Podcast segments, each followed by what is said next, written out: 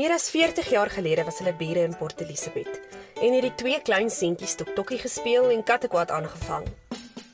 Maar wie sou ooit kon raai dat hulle paie weer sou kruis en dat die een met die ander een se dogter sou trou? Dat die een oupa sou word en die ander een pa.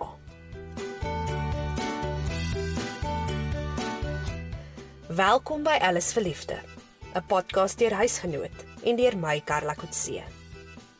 Die onderhoud is weens die Grendelstaat telefonies gedoen en die klankgehalte is op plekke beïnvloed. I'd rather be an old man's darling than a young man's slave. Lizette is 24 jaar oud. 4 jaar gelede het sy Fernando, wie 28 jaar ouer as sy is, ontmoet. Ons het wel ek het eers gedink dis 'n baie vreemde ou man, die van hy's baie knorrig. Um hy's 'n regte grandparty daar. maar ons het maar net geklik van die eerste oomblik af. Sy sê sy kan nie onthou presies waaroor hulle gesels het daai eerste keer toe hulle ontmoet het nie. Maar hulle het net geklik. Miskien was dit hulle liefde vir motorfietsry. Daar was geen mooi praatjies of vreeslike flankeerdery nie. Ons was ons was op 'n plek en ek sê vir ons ry nou en sy kyk my so en ek sê hey of jy of jy klim of jy bly. Ek het um, ek het myself so 'n bietjie verfies en ek het hom eers geïgnoreer want ek ek ry al lank al saam met my pa so dit vat my nie lank om op 'n motorfiets te klim nie en hy het gedog hy gaan my agterlos en toe hy weer sien toe sit ek agter op die motorfiets. Lizet was eintlik daai dag saam met haar pa by die motorfietsryklub. Die einste klub wat Fernando jare gelede begin het. Ja, ek glo vas my pa het ons op 'n manier opgeset. Want na daai dag het haar pa ook Fernando gevra om in te loer by die huis om seker te maak sy en haar ma sou okay as hy moet reis vir werk. En dit was nie lank nie of die liefde het vlam gevat tussen Lizet en Fernando. Tog erken Fernando, dit was aanvanklik moeilik om Lizet se pa, Claude, in die oë te kyk. In the beginning it was uh it was a bit awkward because you know we're friends for a long time and now I'm dating his daughter. Toe ons eventually saam was, toe hy het maar net geswaai, hy het nie eintlik veel gesê nie. Um hy het gesê wel dat hy wel dit verwag het. En binne 'n maand vandat hulle begin uitgaan het, het Fernando vir Lizet die ja-woord gevra. Sommer net so? Sommer net so. But she didn't have any issues, so I thought okay, this is the right woman. Afrikaans is nie Fernando se eerste taal nie. Dit is eintlik sy derde taal. Hy is Portugees. Sy ouers kom van Madeira in Portugal, maar hy woon al sy hele lewe in Suid-Afrika. Lizet het aanvanklik gewonder of die rough around the edges ouer man die regte een is vir haar. Ek was natuurlik baie huiwerig vir al ons ouderdomsverskil en um dit het my baie nagte wakker gehou in die begin, maar die feit van hy het gesê hy sal nooit weer trou nie. Hy sal nooit weer in 'n ernstige verhouding kom nie. Um en nooit weer trou nie. En die dag wat hy my gevra het om te trou, toe besef ek, o, okay. Um dalk is hy regtig ernstig nou. en ek dink elke dogtertjie as hulle jonk is, het hulle hierdie image in hulle koppe van hoe die perfekte huwelik en die perfekte lewe lyk. En dit het net nie gepas of dit het net nie vir my gepas by daai prentjie wat ek in my kop geskep het nie. Um en ek het natuurlik het ek gedink wat gaan mense dink en wat gaan almal sê en dit baie van daai goed het gereeld deur my kop gegaan. Maar alles het so reg gevoel tussen hulle, vertel sy. Wel ek het altyd gesê die man wat met my mood swings kan bly of kan kan hanteer en wat my mislikheid kan um mee saamleef, dit dit is die regte man vir my want ek is 'n baie hardkoppige mens en um ek het die die tendensie om op 'n man se kop te sit en vir my ek het iemand nodig wat my kan lei, nie wat ek die leier is nie. Fernando bieg het hulle albei baie hardkoppig kan wees op tye, maar ten spyte van die ouderdoms en kultuurverskille, maak hulle 'n punt daarvan om na mekaar te luister. Look, she is hard-headed. Okay, and then there are times I'll have to put my foot down. And um we do respect each other in in a lot of ways. Well, actually, in every way. But there are sometimes that she says something, I will listen because I'm a type of guy. I will listen first. If she's right, then okay. But if she's wrong, then I will tell her it's wrong, it's wrong. Klaar, end of story. I come from a family that um, what pork is pork and cheese is cheese, and that's it. And I think that's what she likes about me because you know I don't go around the bush. You know, I, I say the way it is.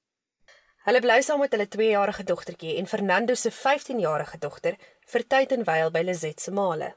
Lizet verduidelik hulle die afgelope jaar finansiëel swaar getrek. Fernando is 'n bestuurder by 'n werktuigkundige en Lizet is 'n veiligheid en gesondheidsbeampte. Lizet was op 'n tyd verloof aan haar hoërskoolliefde, maar sy het die verloving verbreek. Fernando is in 2000 van sy derde vrou geskei. Okay, kids. I've got quite a few kids. Most of them are all grown up. Um, my oldest one, is definitely older than my wife. yeah. Look, I worked in construction for many years before, and and um, obviously, you know, you meet women, you go out with women, and end up being pregnant, and then yeah, then poops, here comes a baby. So, so yeah, I've got quite a few kids. 9. Fernando het 9 kinders en Lizet sê dit maak dus sin dat hy ook voor haar geweet het dat sy swanger is met hulle dogtertjie Alexa. Hy het my gesê ek is swanger en ek het geweier om dit te glo. Hy sê ek het um my my eetpatrone het verander en um ek het baie ek was baie moedier as dit gewoonlik was. So hy het eendag net die toetsie by die huis afgekom en vir my gesê toets, want jy swanger. Fernando vertel die mense in die publiek wat staar of ongevraagde kommentaar maak, pla hom nie juis nie. Hy is nie getroud met 'n Z om standpunt in te neem of mense se opinies te probeer verander nie. With my friends, sometimes they say I'm the sugar daddy, and then uh, then we joke about it. Lizet aan die ander kant sukkel soms om die kyke of kommentaar te verwerk. Ek het ook goeders gehoor soos my man is 'n cradle snatcher en um soos hy sê, die sugar daddy storie. Dan ek die sugar daddy storie speel ek maar af. Ja, ten minste gaan ek nie eendag um doodgaan van die hongerte nie of ek maak maar grappie van dit. Mense leer om dit soos water van die een se rug af te laat loop. Dit dit pla my glad nie meer as mense sulke goed vir my sê nie. Dit was op Facebook rukkie terug. Was daar ook 'n storie van die ouderdomsgroepe en so en mense het my so bevraagteken oor hoe maak ons dit werk en het ek al gedink wat gaan gebeur in 20 jaar se tyd dat hy dalk nie my dogter ken nie um by troue sal kan bywoon nie um mense vra die verskriklikste vrae en hulle neem die verskriklikste assumptions die die Mm. judgment hou nooit op nie mense leer maar net hoe om met dit te deel Maar bekommer dit haar nie soms nie? Wat gaan sy doen as hy te oud word vir motorfietsry? ek het nou al grap ek gaan 'n sidecar in my bike sit en hy sal van die sidecar sit en ek die bike ry. Um ek sal hom maar nog bietjie gryser maak of ek sal 'n uh, trike wat 'n trivial motorfiets is of so iets koop want dis iets wat nooit die bike ryery sal nooit uit mense uit gaan nie. Maar toe ek hom getrou het, toe het ek geweet waarvoor ek opgeteken het. Ek het geweet eendag sal ek jou waarskynlik nou moet kyk. Maar ek het al vir hom gesê gaan vir hom 'n nus kry as hy eendag moet doeke dra want ek gaan nie sy doek omruil. Sy sê niemand weet wat die volgende 20 jaar vir 'n mens inhou nie en sy is eerder nou gelukkig. So maklik soos dit. Maar ja, natuurlik is daar generasieverskille tussen hulle twee. Al is Lisette ou siel, het dit al gebeur dat sy nie weet waarvan hy en haar ouers praat as hulle terugdelf in tyd nie. Maar sy stop hulle sommer gou en vra dat hulle vir haar verduidelik. Fernando se ouderdom haal hom in sommige aspekte in, al is hy nog jonk van gees.